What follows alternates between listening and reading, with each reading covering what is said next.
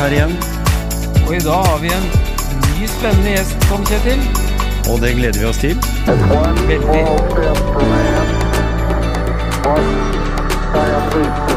Ja,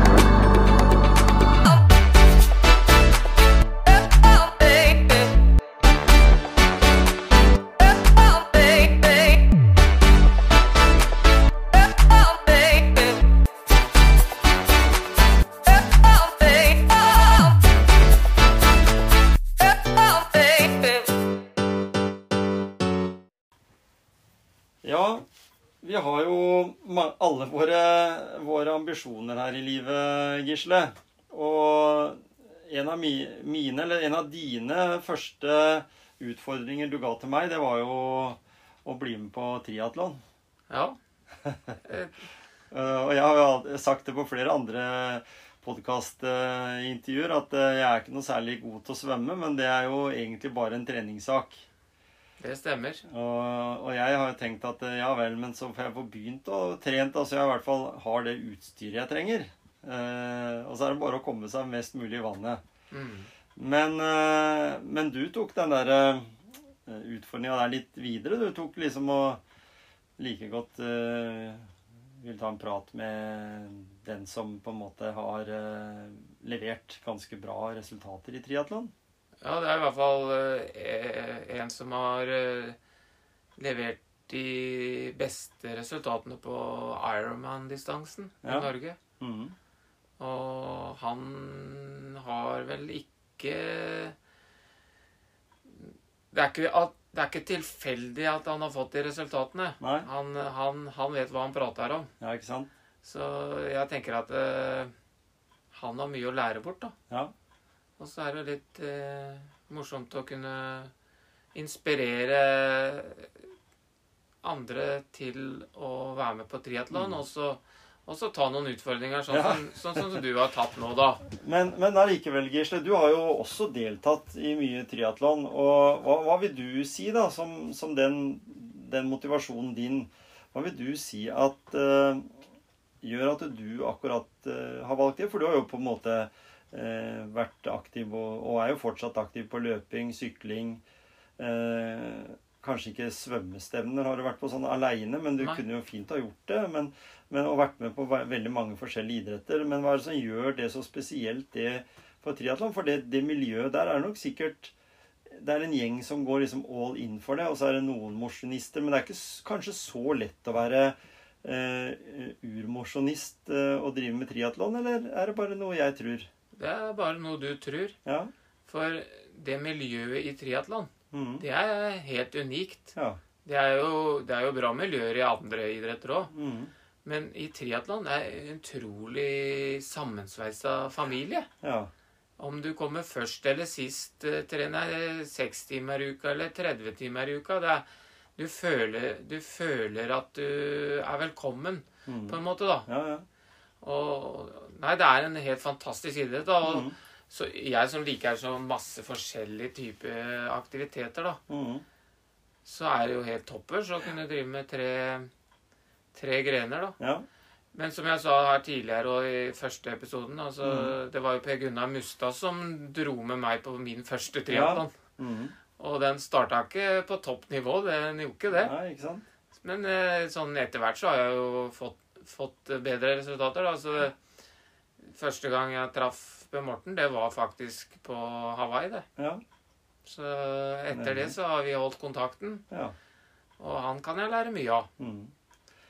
Så det, men det er, eh, og det er veldig ålreit. Så da, for de som er interessert i å vite litt mer om triatlon og, og liksom den derre indre motivasjonen til å, å drive med det, og også alle andre som er interessert i å snakke med personer som har levert, får da bli med på den praten du har gjort med Per Morten Ellingsen. Mm.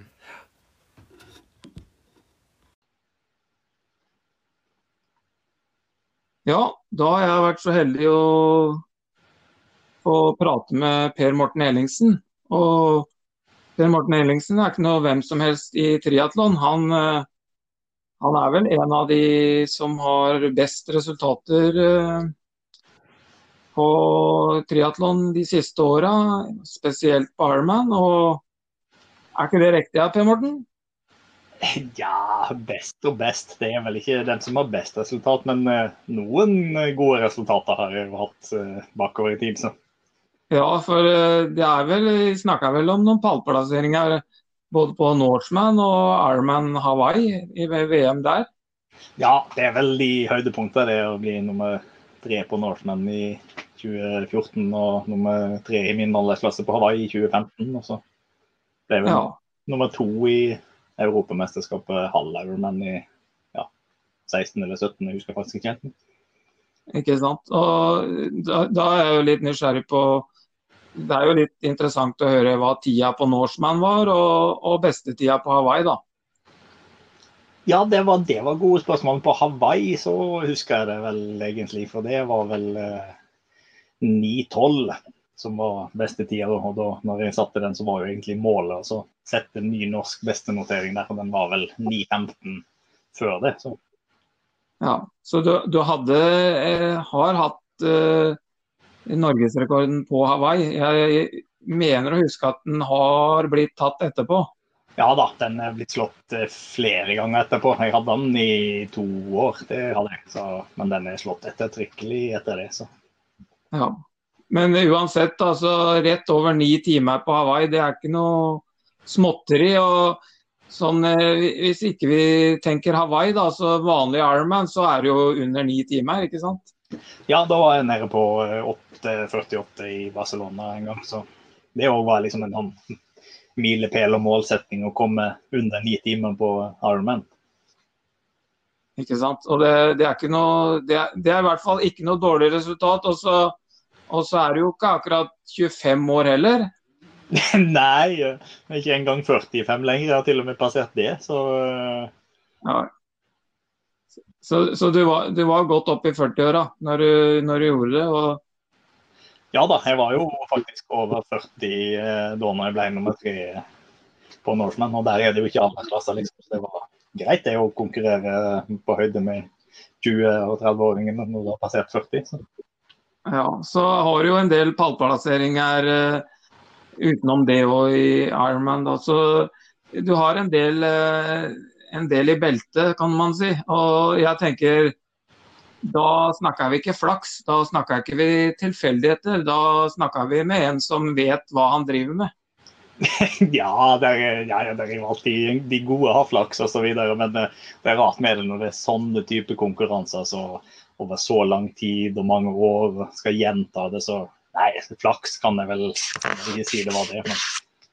Nei. Og så, liksom, tenker jeg, ja, hvor, hvor begynte det? Altså, har du drevet med triatlon i, i all din tid, eller uh, har du noen annen bakgrunn fra idrett? Nei, jeg har vært fotballspiller egentlig fra gammelt av, sånn, ikke på noe veldig høyt nivå. Spilte i tredjedivisjon og sånt, men uh, ikke noe uh, ikke noe sånn toppidrett eh, på noen måte. Så ja, etter jeg gikk på Sjøkrigsskolen, så fant jeg ut når jeg sammenligna meg med ja, ganske mange i min alder og litt yngre der, at jeg hadde et bra talent for utholdenhet. Så begynte å gå litt på ski etter det sånne lange mosjonsløp. så Grenaderen, Vasalopp og Marcialonga og Birken og sånne ting i, i år. Altså. Ble lurt, lurt med på uh, triatlon av en uh, kamerat og kollega. da som en sånn sprint-triatlon i Åsgårdstrand. Og den vant jeg, da. Det ene av de andre som hadde deltok der, han hadde deltatt på Norseman. Så tenkte jeg at ja, da jeg slo han der, og han har deltatt på Norseman, da kan en sikkert jeg òg gjøre det. Så da gjorde jeg det. Så første triatlon var sprint-triatlon i Åsgårdstrand, og den andre var Norseman. Ja. Og da Hvilket årstall var det du sa? Ja, mulig at det ikke hang helt med? Ja, det var vel i 2007, var det det? Jeg mener det. Ja. 2007, ja. Og så debuterte du på den, eh, den uh, type Ironman i 2009 eller noe sånt? Eller? Eh, ja. Eh, det var vel i 2009, ja. I Ja, hvor var det? Kalmar i Sverige, var det vel? På Ironman. Ja. Mm. ja. Og, og der gikk du under ti timer? Ja, så vidt. Det var faktisk et konkret mål å liksom prøve å Jeg hadde jo sett på mange andre som jeg hadde konkurrert mot i forskjellige, både i andre idretter og litt i Norseman, og sånn sett hva de hadde gjort. og liksom så, så at ja, Det kunne være mulig under ti timer. da. Det var jo liksom en milepæl. Så det gikk akkurat på 9.58. 9.58, ja. ja. Nei, det er en sånn milepæl, det. Du, si, du, sa jo det at du fant jo ut at du hadde et visst talent, eller du hadde et talent for, for, for det her, da. Men uansett så er det jo mange med det samme talentet, tenker jeg, som ikke klarer å få til det, å få ut det du greier, da. Og da tenker jeg liksom, hva er liksom litt hemmeligheten? da? Hva er treningsprinsippene? Hvordan tenker du eh, når du setter treningsopplegget for deg sjøl? Ja, hemmeligheten er vel Det burde ikke være noen hemmelighet lenger, i hvert fall. Men eh, hemmeligheten, eh, som, sånn jeg ser det, det er å bli kontinuitet. De fantastiske syv-åtte timers øktene på Strava og på Instagram og Facebook, de, du blir ikke veldig mye bedre av den. Men det er alle disse middels pluss gjennomførte øktene på en gjennomsnittlig tirsdag uke etter uke, og gjerne år etter år. Så liksom kontinuitet og holde på og holde på. liksom Aldri stoppe opp og ta pause, ikke slippe seg for langt ned i sesongpause. og sånn. Så egentlig, skal jeg si ett ord, så er det kontinuitet. Ja. Og, så har jeg jo skjønt det sånn at eh, du ikke er så opptatt av puls, men at du jobber mye ut ifra på løping bl.a. Eh, fart og mye watt på sykkel. Jeg, jeg, har vel hørt at du har sagt at, eh, at, at eh, jeg, jeg jeg tenker ikke på hva makspulsen min er, men eh, jeg konsentrerer meg om watt og fart. da. Er det riktig oppfatta av meg, eller? Ja, jeg styrer, eller nå har jeg noe for så vidt eh, offisielt lagt opp, da, men jeg mosjonerer bitte litt ennå. Eh, jeg styrer all trening egentlig etter, og intensitet etter watt på sykling, og i stor grad etter fart på løp. Selvfølgelig, når du skal styre etter fart på løping, så er du jo avhengig av å løpe noenlunde flat eh, og sånne ting. Med en gang det blir eh, kupert og terreng og sånn, så blir jo farten en helt annen. Så. Men eh, det betyr ikke at jeg aldri ser på puls. Og dagsformen varierer liksom. Og, så du har jo et, et, sideblikk på puls, men styringsverktøyet er vatt på sykkel og fart på løp. Ja, men jeg tenker, ja, du snakka om uh, dagsform og sånn. Uh, hvis, er, uh, hvis, du har satt opp et program, da, og, og, du kjenner at i dag er ikke dagen. Eh, er, trumfer du gjennom økta, eller er, tenker du at eh, nei vel, da, i, dag passer, i dag senker jeg intensiteten noe, og så får jeg til økta, eller, man, eller bare pusher igjen? Man har jo gjort begge deler, selvfølgelig. Men eh, et sånt litt mantra jeg fikk mer og mer etter hvert, det var tren hardt når du kan, og rolig når du må. Så det ble vel eh, flinkere etter hvert som man får mer treningsintelligens, for å kalle det det, og lytte litt mer til kroppen. Og noen, noen ganger så må man jo trumfe litt igjennom hvis du skal få til noe som er litt hårete målsettinger, Så må man selvfølgelig litt ut av den komfortsona innimellom. Det er, sånn er det bare.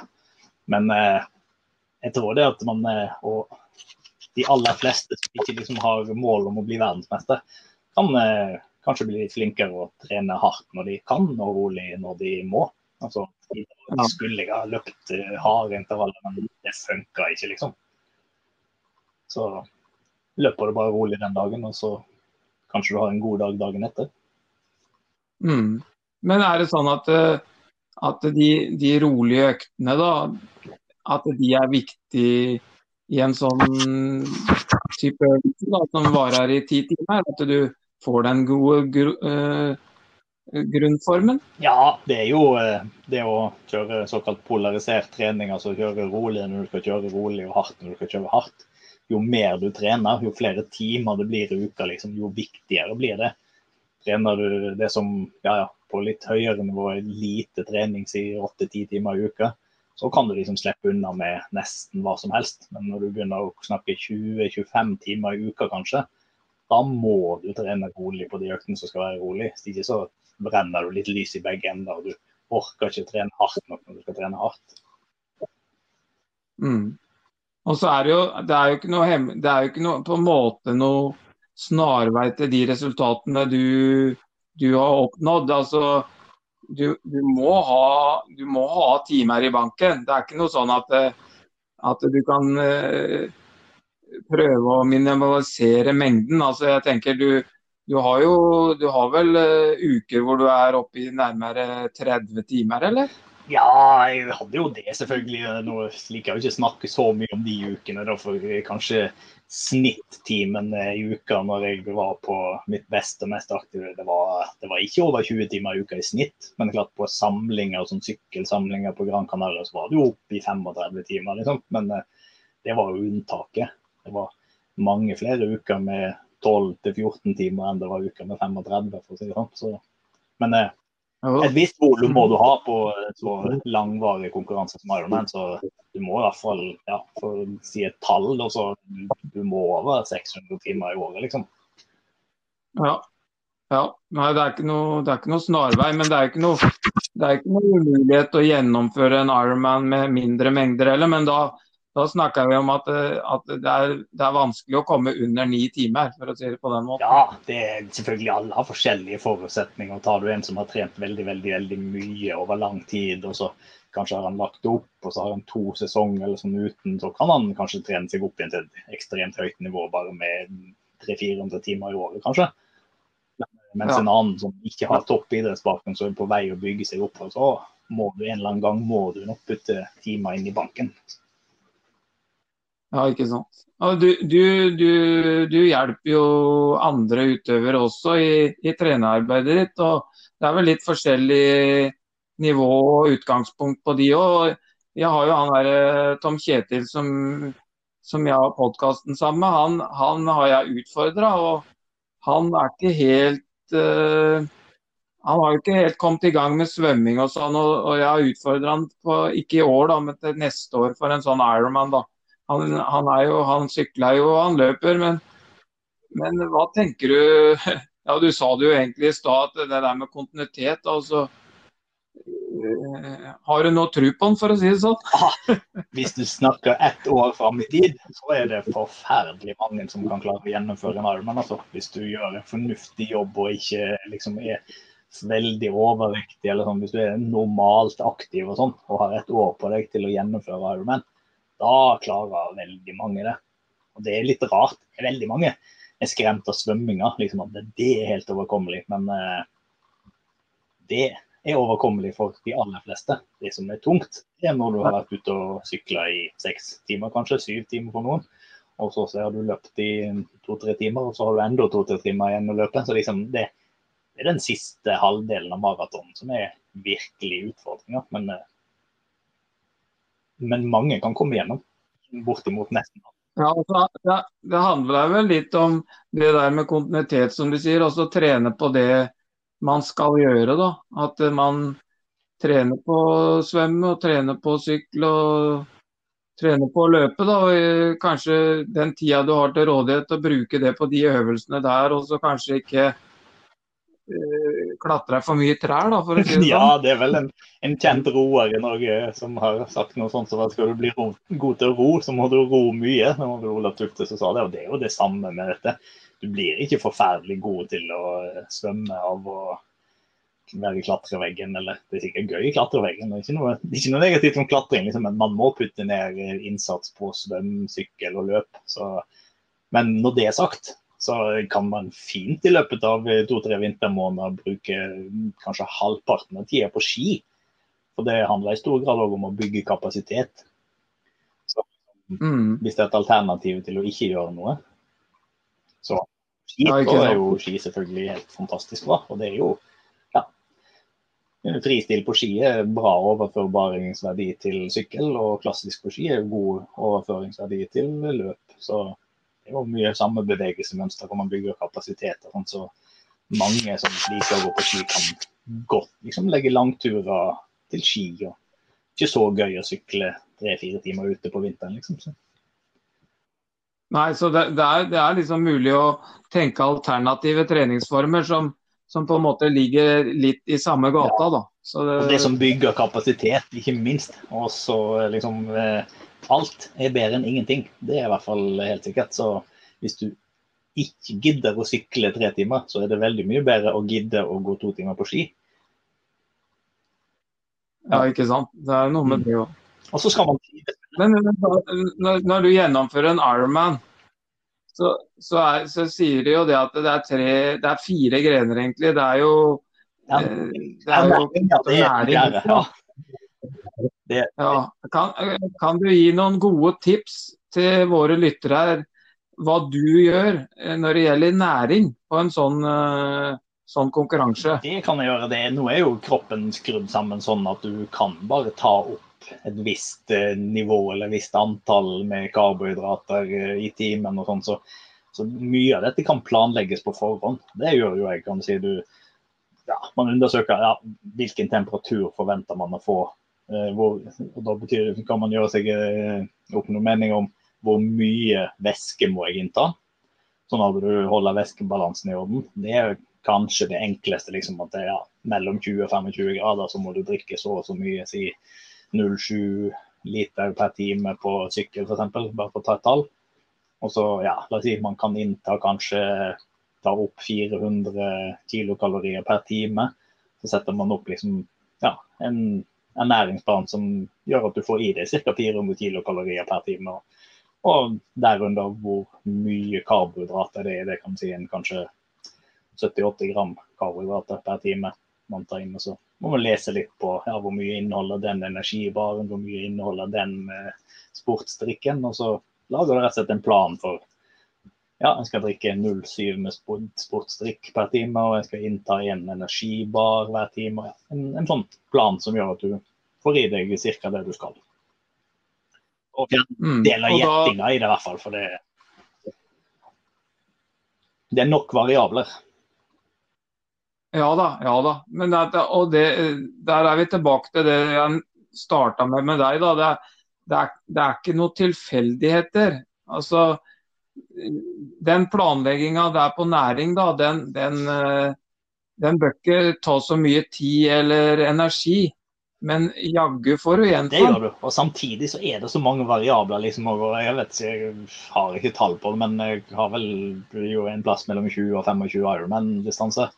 Og vært i ca. like god form kan man si, på tester og sånn jeg har gjort sjøl. Og likevel så har resultatet sprika ganske mye liksom, i prestasjonen. Så, og du har gjort omtrent akkurat de samme tingene. Liksom. Så selv om du fjerner så mye variabler og usikkerheter som mulig, så er det nok variabler igjen å ta av. Liksom, eh, dagsform og eh, bitte litt for høy temperatur, litt for høy intensitet på sykkelen, liksom, starte litt for hardt på løp, løpe litt for fort i den ene bakken. Alle sånne små ting som baller på seg utover et langt løp så du får igjen for. Så selv om du fjerner så mange usikkerhetsmoment som mulig, så er det, det er nok igjen til å gjøre at resultatet kan sprike ganske mye med eksakt samme utgangspunkt. Ja, det er klart. Men, men det er klart at uh, Si at du er med på en jeg sier ti stykker, da. Og så gjør du de gode forberedelsene som, som gjør at du skal lykkes. Og så kanskje du lykkes på tre av ti, da. Så er, jo, så er jo det langt over å lykkes på tre av ti enn å ikke lykkes på noen av ti. Ja, da. absolutt. Jeg hadde vel egentlig ikke så veldig mange ut av de 20-25 som jeg var misfornøyd med, som liksom gikk vesentlig dårligere enn planen. Det var vel kanskje bare tre-fire stykk som var sånn det gikk dårlig, syns jeg. Eller så var det middels og opp til bra på de andre. Så jeg følte jeg var heldig og traff godt på mange. Ja. Og, men eh, vi er jo, det er jo mange der som lurer litt på sånn som intensitetsstyring. Hvor fort skal jeg svømme? Hvor fort skal jeg sykle? Og hvor fort skal jeg løpe, da? For det er jo, det er jo sånn at triatlon det er jo tre øvelser. og og det er ikke noe som heter å ligge an til når det er eh, km igjen på løp heller. Så, så det, er, det er jo viktig å intensitetsstyre, er det ikke det? Jo, og det kan man jo med Det er jo et kjapt Google-søk. liksom Hvis du har wattmåler på sykkel og vet hvilken terskelwatt du har, da er du kommet veldig langt. Da er du jo eh, kommet fryktelig langt. Så kan du jo se hva det er egne tabeller på det. liksom, ja, Hvis du har sånn og sånn skal, ja, Hvis du regner med å fullføre syklinga på seks timer, og du har sånn og sånn terskelwatt, så får du opp et tall. liksom, ja, så mange prosent av terskelvatten din kan du sykle på da. ofte hvis man eh, skal gjennomføre ganske fort og hardt på en Ironman, så ligger man jo og filer rundt 75-78% av terskelvatt. Så det er jo ganske høy intensitet i Da varer jo sykkeldelen typisk for min del gjorde fra, ja, fra 4 timer og 35 minutter til 5 timer, alt etter som hvor mange høydemeter er i løypa og vind og sånne ting. Så skal du ligge på ca. 75 pluss prosent av eh, terskelvann i 4,5 til 5 timer.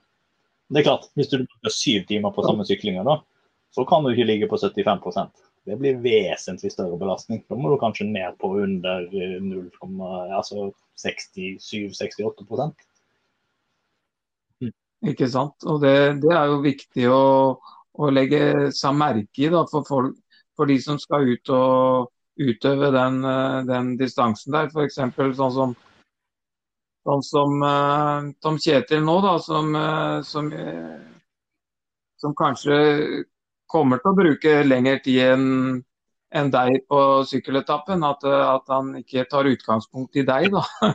og den prosenten ja, nei, det er jo, Men det er tabeller på det. liksom sånn, Du har en viss, viss indikasjon på hvor lang tid du vil bruke. Så om du bommer på 1 eller 2% så det er nok større variasjon i dagsformen, men liksom hvis du starter på 80% av eh, terskelwatt og skal sykle i seks timer, så går det sikkert bra på syklinga, kanskje.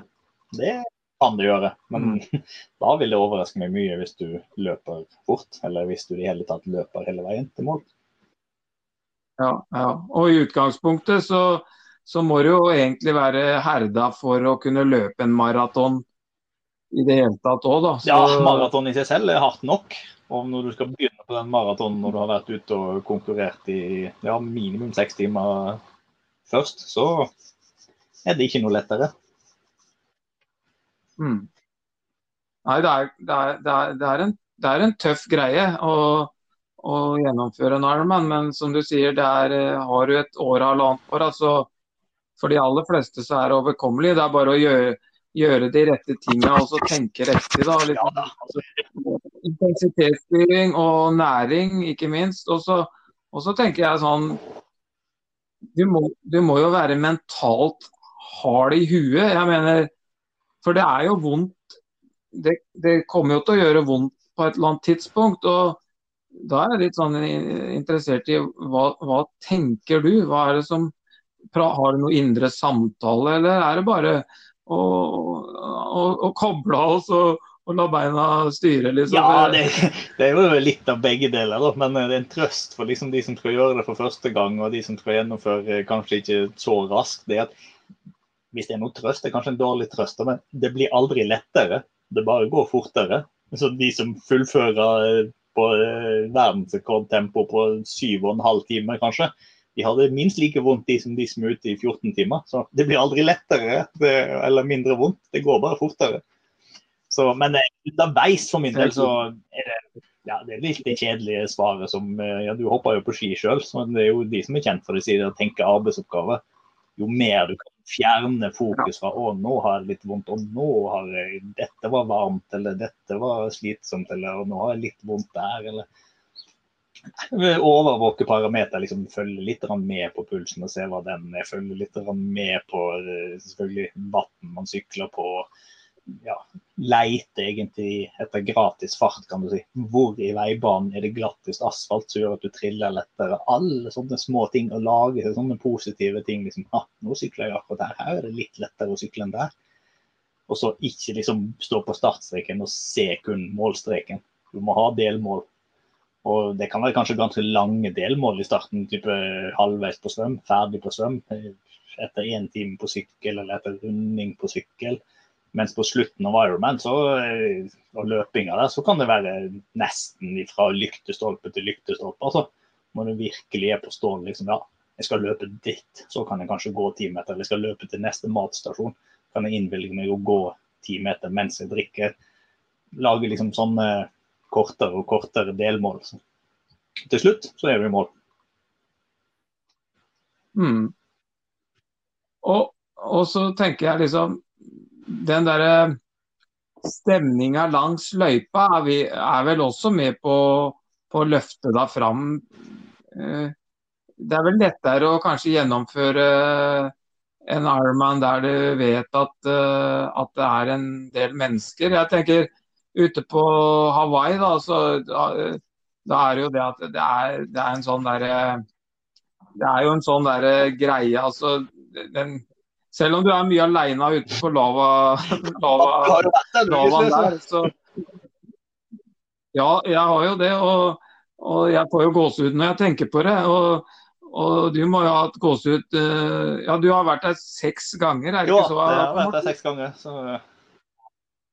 Ja, det, er, det, er, ikke så mange i Norge som har vært der seks ganger. Er, Rune Skinnelin har vært der ti. Det er vel, ja. Også uh, Lisbeth Kenyon, som er norsk, men bor i USA. Hun har vel òg uh, eh, ganske mange. Jeg vet ikke helt hvor mange, men ganske mange i hvert fall. Ja, det stemmer. Hun var jo der når hun Ja. Mm. Men, eh, men, uansett, at den er jo så spesiell at du trenger jo ikke folk langs løypa. Det var det som var poenget. Og, men sånn som jeg tenker sånn som Kalmar og København og sånn, hvis folk skal debutere, da. Eh, er det, eh, er det noen andre du har vært på som du kunne anbefale til debutanter? Det var det som var det ja, var jeg litt interessert i. Du nevnte jo Kalmar. Den er jo veldig fin. Og kanskje den beste opplevelsen sånn sett jeg har hatt publikumsmessig og rundt arrangement og løyper og hvor tett publikum kom på. og sånn, Det var i Klagenfurt i Østerrike. Det var, jeg synes jeg var helt fantastisk bra. Og Der er siste 1000 meterne svømminga det er innover et sånt kanalsystem der det går bro, gangbroer over, så står liksom publikum langs sidene og over deg. og du liksom, så Da følte jeg at svømminga ja, den gikk jo akkurat den gikk han veldig fort over, for det er raskere jeg har svømt. Men liksom følte jeg at svømminga var fryktelig kort. Det var liksom bare 2800 meter. De siste 1000 det bare, du ble bare forsvant opp gjennom kanalen der med masse svømmere rundt deg selvfølgelig som svømmer samme retning, og publikum tett på. og sånt, så Ofte så syns jeg jeg blir litt sånn, jeg blir litt lei av den svømminga. Helt alene og slåss med vann og andre utøvere sånn i en uh, drøy time kanskje uti der. Jeg blir litt sånn lei siste halvtimen på svøm kanskje, men det ble jeg ikke der. Og pluss at det var veldig ja, fin sykkel- og løpeløype sånn, og kom, publikum kom tett innpå. Ja.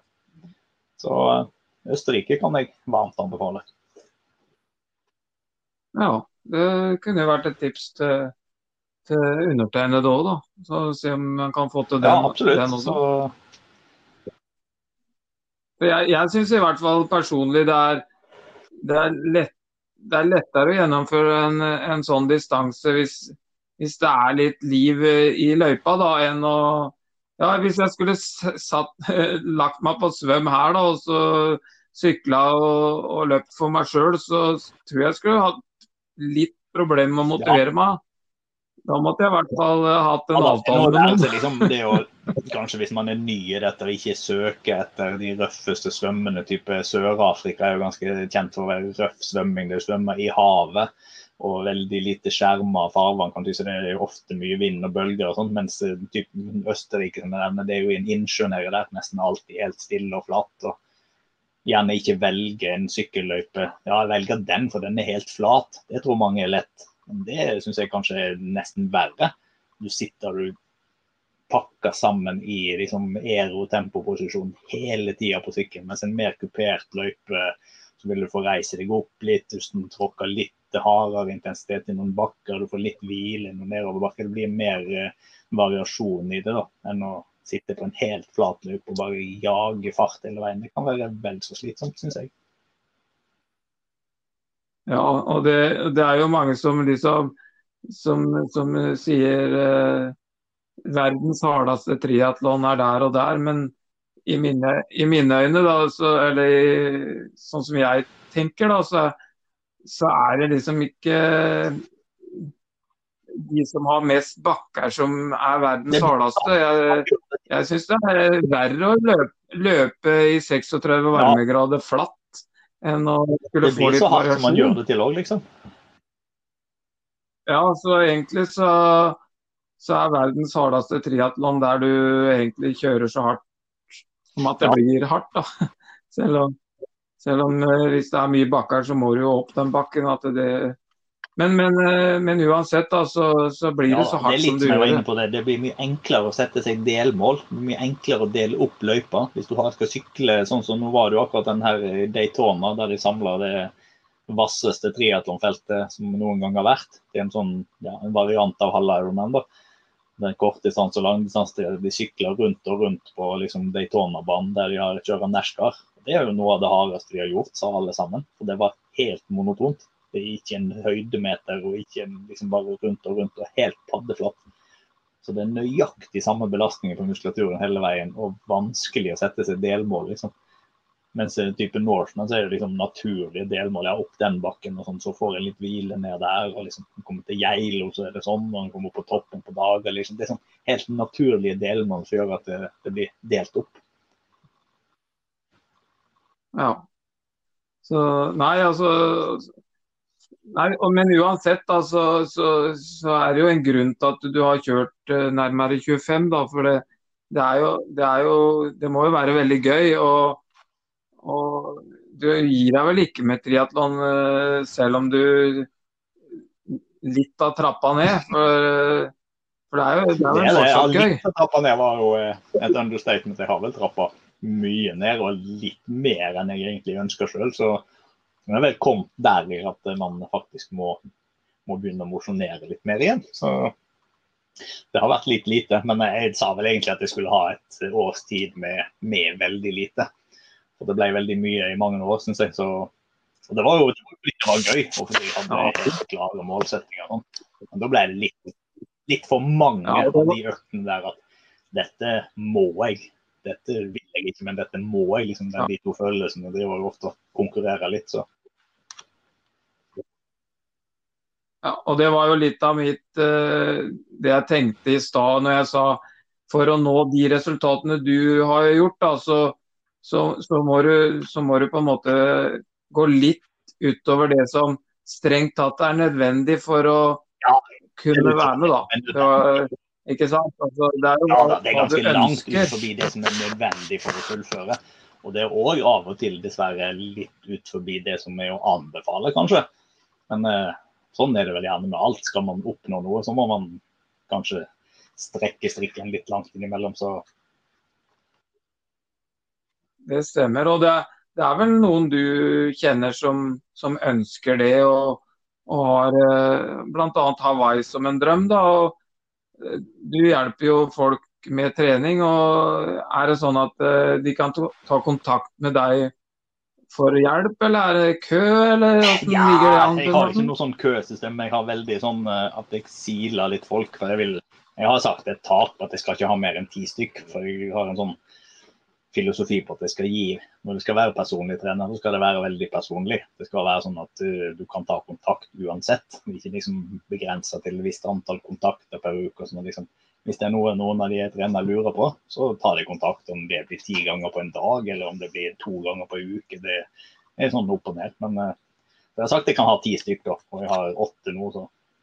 Men uh, silinga foregår på uh, motivasjon, egeninnsikt. Liksom eh, si at ja, nei, jeg kan trene fem timer i uka, og målet er å vinne aldersklassen min på Hawaii. Da sier jeg bare at ja, da må du finne en annen trener enn meg, for det lar seg ikke gjøre med det jeg skal lære deg, i hvert fall. Så det må være litt sånn litt realisme i det. Og så må det selvfølgelig være motivasjon. At dette er noe de brenner for og har lyst til å, ja, lyst til å lære, lyst til å bli bedre. og ja, og mestringsfølelsen som jeg jakta etter sjøl, egentlig. Som mye av det som motiverte meg. Det å liksom få til ting. Um... Ja, det er jo veldig viktig da, med mestring. Men som du sier, du setter litt krav til de som, som skal motta hjelpa. For, for, for, det er liksom Det er ikke så lett å trene noen hvis ikke de gjør det, gjør det du Nei, det er liksom vil at de skal gjøre. Det er ingen som skal møte opp her og bli trent. Det, jobben må de alltid gjøre sjøl. Jeg skal vel i hovedsak, hvis det er snakk om min type trener, eh, tilnærming, så skal jo peke retning og komme med tips på ja, egentlig for alt som du har vært inne på. Ernæring og intensitet, og ikke minst hvilken type trening. og Hvor mye skal være sykkel, hvor mye skal være løp, hvor mye skal være svøm. og Oppsett på sykkel og utstyr og alle sånne ting. Så jeg prøver liksom å gi en sånn helhetspakke og hjelpe til på. Ikke bare sette opp akkurat hvilke økter de skal gjøre når, og sånn, men hele ja, alt som må til for å komme raskest mulig til mål i en triatlon. Mm. Så da, da, tenk, da, tenker jeg at uh, de to som ikke Altså de to plassene du har nå, de, de tenker jeg at, uh, at, de som ønsker å utvikle seg i triatlon, burde ta kontakt med deg og så få den hjelpa. For jeg, jeg, jeg, vet jo det at du For det første så kan du sakene dine, og, og så er du en bra mann. da, så så jeg må bare anbefale lytterne våre, hvis de har ønske om å, å utvikle seg og lære, lære, ikke minst lære, da.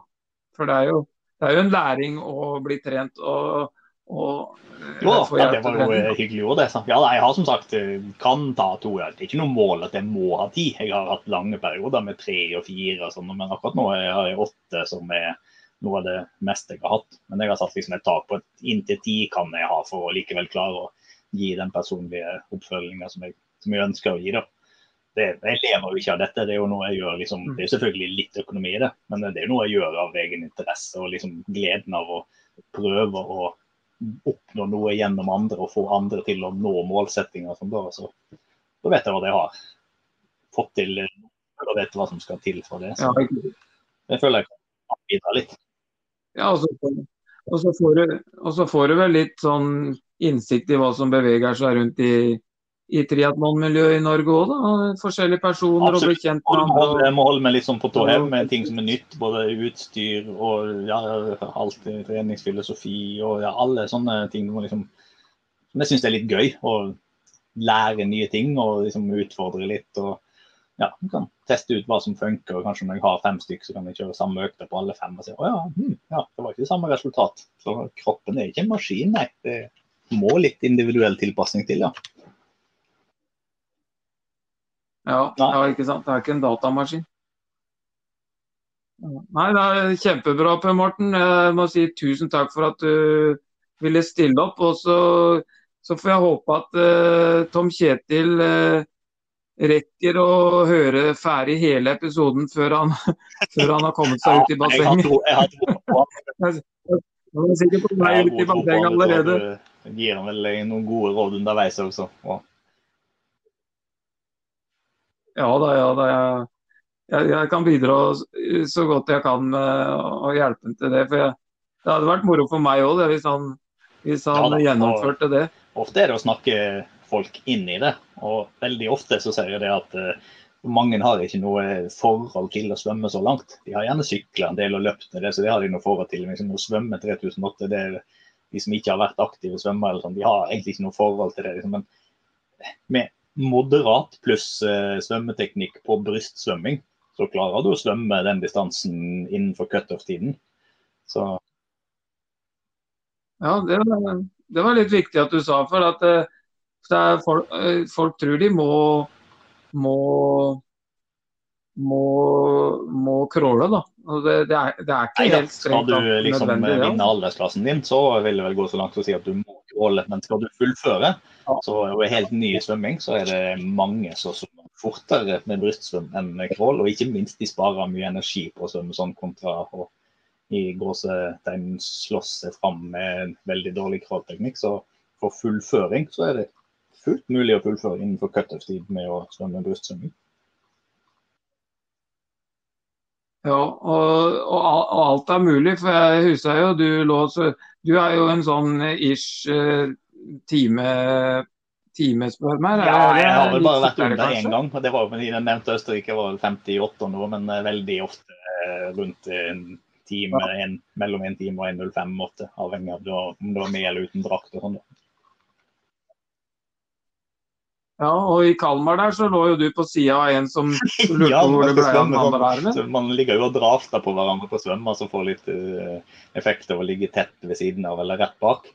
Og lå jeg veldig tett igjen da, så tenkte jeg nå må jeg jo snart få en albue eller et eller annet i uh, panna her, for nå ligger jeg så nærme han akkurat liksom på høyde med hofta, så den armen burde ha truffet meg. Jo mer jeg kikka bort på den, jo mer lurte jeg på hvor den armen var. Men uh, den var ikke det, den. Man mangla en arm. så ja. Ikke sant? Han svømte, han svømte altså rundt timen og mangla en arm. Og det, det, det, det sier bare om at Ja, eh, jeg vet ikke ting om det er er mulig. spesielt med meg, men jeg har jo hatt en tilsvarende historie på Hawaii. Da lå jeg rett bak beina på en og tenkte at her var en som brukte veldig lite bein. Så det ble lite plasking og lite luftbobler, så det var god sikt og sånn, så kunne ligge veldig nærme. Jeg tenkte at det var en fantastisk fint å ligge der. Når jeg kom helt nærme nok, så så jo grunnen til det, for han hadde ikke bein. Det sier kanskje litt om hvor Nei. lite god jeg er til å svømme nå, når jeg stort sett svømmer likt med de som mangler kroppsdeler. Men, eh, men de fortsetter, gjør Jeg, jeg, jeg, jeg vil heller eh, eh, snu det og så si at uh, det er mer som er mulig enn det man kanskje tenker er mulig. og Derfor så, så tenker jeg, hvis det er noen som går med en drøm om å gjennomføre en Ironman, Ja. da, som er tema i dag, så, så, så ta, ta følg drømmen. Jeg, jeg kan i hvert fall sterkt anbefale det. Jeg synes det Ikke er for ingenting at det gøy. mantraet til Ironman-organisasjonen er 'anything is possible'. Så når du ser folk han nevne svømmeren på Hawaii der, har amputert begge beina fra rett under kneet, og han fullførte alt, både sykkel og løp. Så da er 'anything possible', altså. Ja, så vi, jeg tror vi kan bare konkludere med det og, og si nok en gang takk for en hyggelig prat, og så, og så snakkes vi sikkert igjen. Ha det godt. Ha det, ha det.